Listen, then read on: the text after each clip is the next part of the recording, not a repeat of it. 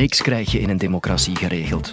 Als je een weg wil heraanleggen, is er altijd wel een of andere groene die een proces aanspant omdat er een boom niet mag gekapt worden. Als je pesticiden wil verbieden, laten politici zich ompraten door grote bedrijven. En misdadigers worden vrijgesproken als de politie op hun arrestatiebevel een tikfout maakt. Met één sterke man aan het hoofd van het land gaat alles beter. Dat vinden althans sommige mensen.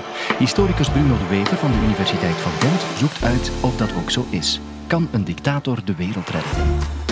Dit is de Universiteit van Vlaanderen.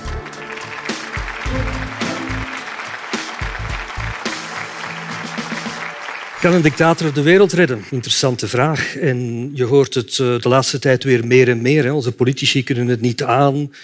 De grote problemen zoals daar zijn, climate change, bankencrisis, massamigratie. Nee, daar is geen antwoord op. We hebben terug sterke mannen nodig. Je hoort hetzelfde over vrouwen overigens. Sterke mannen nodig die die problemen kunnen gaan oplossen.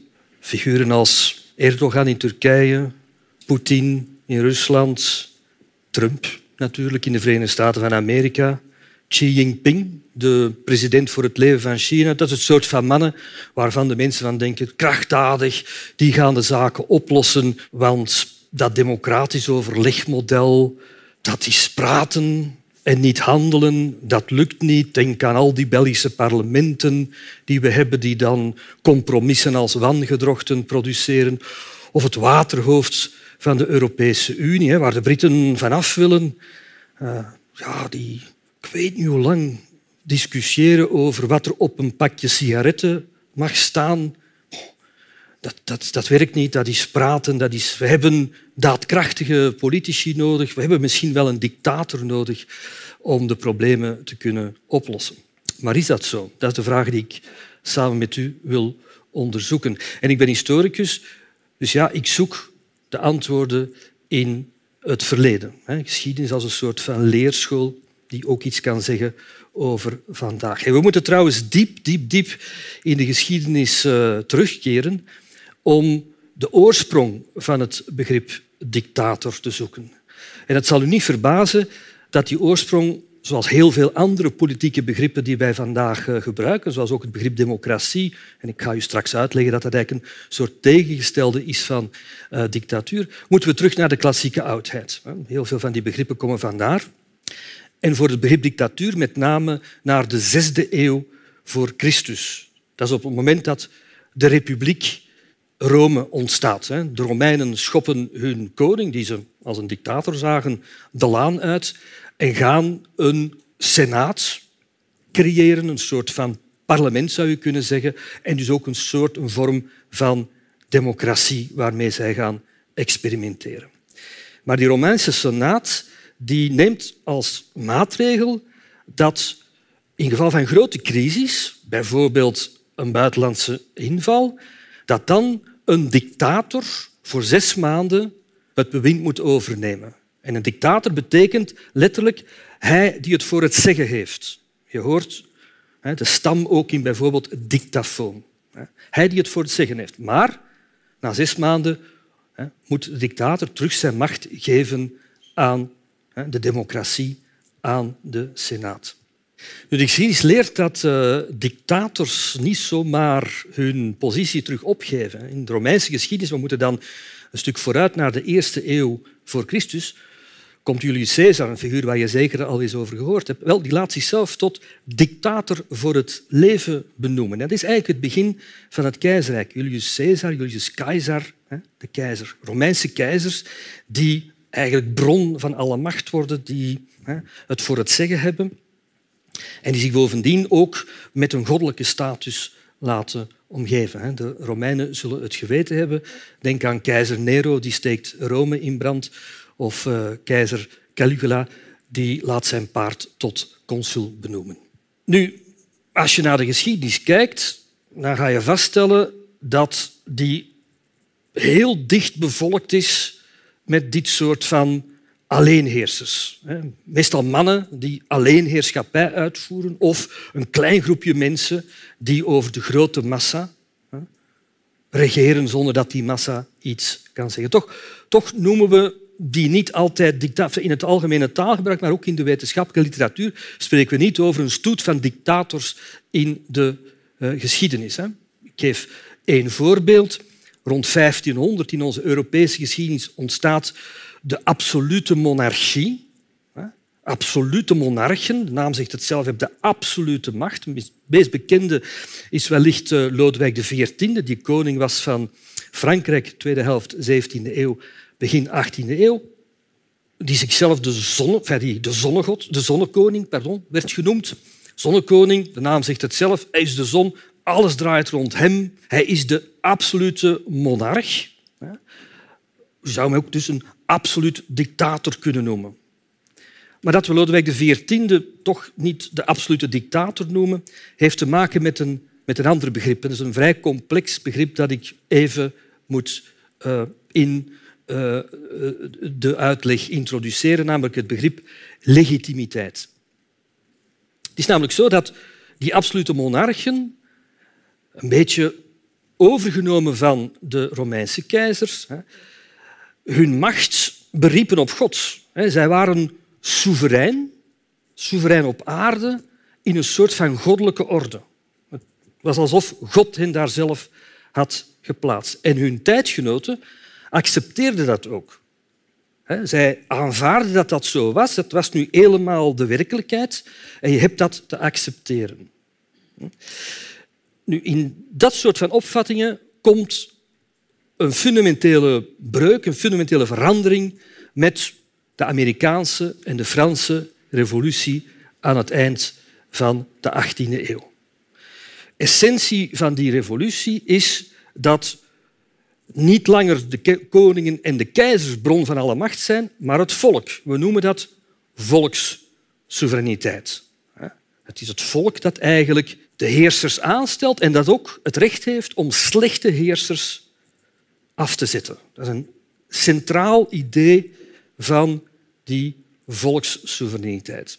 Naast andere ideeën, bijvoorbeeld de scheiding der machten, waarbij je dus een uitvoerende macht, een regering hebt, een wetgevende macht, een parlement en een rechterlijke macht, die onafhankelijk van elkaar zijn, elkaar in evenwicht houden en ook controleren. Dat is iets helemaal anders dan natuurlijk een dictator die alle macht eh, bezit.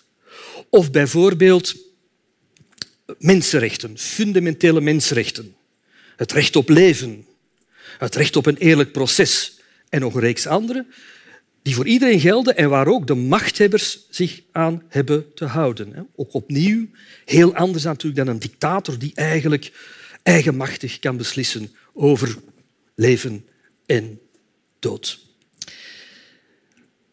En het is sedert die, die, Frans, die Amerikaanse Franse revolutie, die, de ideeën die daarachter zitten, die hebben heel grote impact in de geschiedenis, ook in de wereldgeschiedenis.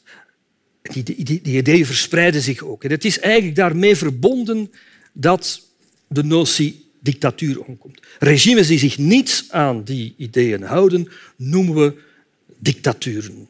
Nu, er zijn veel vormen van dictaturen geweest in de 19e en vooral in de 20e eeuw. Een heel bekende vorm is de militaire dictatuur. Militaire dictatuur, de naam zegt het zelf, waarbij dus een, een top van de, een, een militair of een top van, van het leger eigenlijk de dictatoriale macht heeft. En dat zo vaak of zoveel militaire dictaturen bestaan, heeft natuurlijk alles te maken met het feit dat die dictaturen geen legitimiteit hebben bij het volk. Niet gesteund zijn door het volk. En dan moet je natuurlijk je wil op een andere manier opleggen en dat gebeurt met geweld. En dan is natuurlijk het leger bij uitstek een goed instrument. Heel wat militaire dictaturen gaat bijvoorbeeld in Latijns-Amerika, maar ook hier bij ons in Europa heb je tot de jaren 1970 Oudere mensen gaan dat zich zeker herinneren. Bijvoorbeeld in Portugal en Griekenland een kolonelsregime van eigenlijk militaire dictators. Maar het moet niet altijd het leger zijn. Het kan ook bijvoorbeeld de partij zijn, een partij zijn die het instrument van macht is. Denk aan de nazi-partij van Adolf Hitler. Denk aan de communistische partij van uh, Jozef Stalin. Of denk vandaag aan Kim Jong-un, met zijn communistische partij in uh, Noord-Korea. En overigens ook zijn vader en zijn grootvader waren Noord-Koreaanse dictators. Wat meteen aanduidt dat erfelijke dictatuur ook vandaag nog bestaat. Noord-Korea is er een voorbeeld van met de Kim-dynastie. Nu, al die dictaturen, welke verschillende vormen ze ook aannemen, hebben altijd dezelfde kenmerken. Een eerste kenmerk kennen we natuurlijk al. De macht zit in handen van één persoon of van een klan die via uw netwerken, via partij, via leger, vaak via een combinatie van die zaken, de macht uitoefenen. Macht uitoefenen over een bevolking die geen enkele zeggenschap heeft. Er zijn geen vrije of geheime verkiezingen, er zijn geen vrije media. De bevolking wordt onderdrukt, geweld is aan de orde van de dag. Er is geen onafhankelijke rechtspraak. Die rechtspraak staat in dienst van de machthebbers. Dus als je een probleem hebt met die machthebbers, dan zal de rechter jou niet uh, helpen. Het zijn vrijwel steeds heel corrupte regimes. En laatste kenmerk dat telkens terugkomt en dat eigenlijk meteen een antwoord is op de vraag van kan een dictator de wereld redden, is dat het helemaal geen efficiënte systemen zijn. Dat zij efficiënt overkomen, dat is veel eer product van hun propaganda dan het realiteit is. En ik ga dat illustreren met een casus, met een voorbeeld dat ik vrij goed ken omdat het in mijn eigen onderzoekspraktijk zit, namelijk de geschiedenis van Nazi-Duitsland van Adolf Hitler. Vele mensen denken dat Adolf Hitler de economische crisis van de jaren 30, de grote industriële crisis van de jaren 30, dat Adolf Hitler die succesvol heeft opgelost. Dat is propaganda. Alle parameters, alle cijfers, economen, economisch historici hebben zich daarmee bezighouden, tonen aan dat Nazi-Duitsland die crisis niet beter, eerder slechter oplost dan bijvoorbeeld de grote democratieën in die periode, de Verenigde Staten van Amerika, Frankrijk en uh, Groot-Brittannië. Maar dat is natuurlijk niet eens het belangrijkste. Hitler gaat door zijn buitenlandse politiek de wereld in een wereldoorlog storten die 55 miljoen minstens mensen het leven kost. Onder wie ook 7 tot 8 miljoen Duitsers, mensen van zijn eigen volk.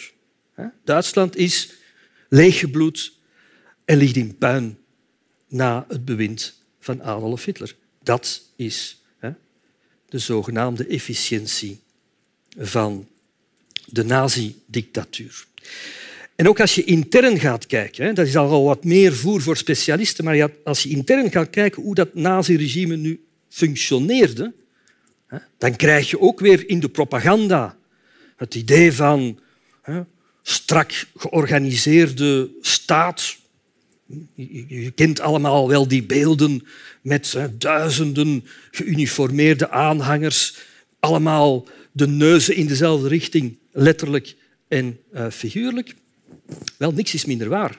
Als je gaat kijken hoe Nazi-Duitsland intern functioneert, dan zie je wat specialisten noemen georganiseerde chaos. Al die raderwerkjes die werken niet zozeer met elkaar mee, maar heel vaak tegen elkaar in.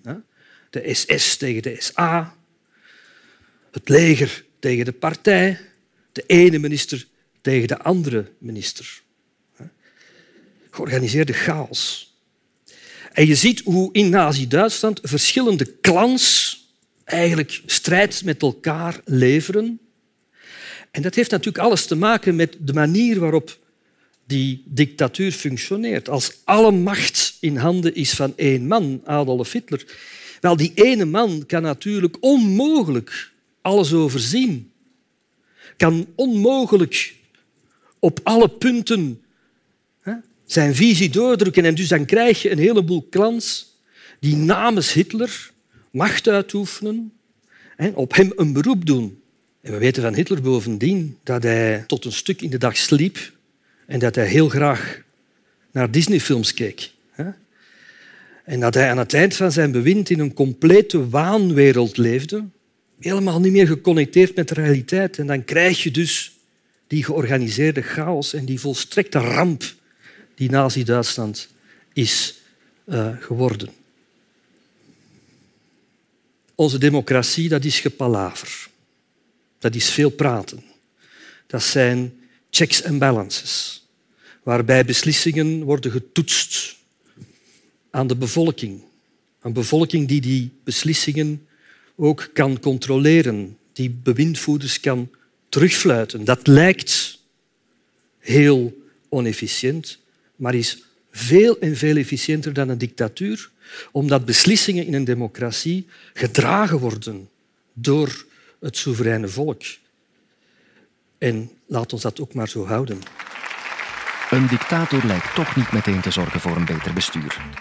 Wat volgens een andere historicus, Jelle Hamers, wel werkt, is een goed potje schelden. Politici lijken daar vandaag de dag alvast goed mee bezig op Twitter. Is het dat wat de professor bedoelt? Je hoort het in podcast 14. Waarom leidt schelden tot een beter bestuur? En als je je abonneert op onze podcast, dan mis je er nooit nog één.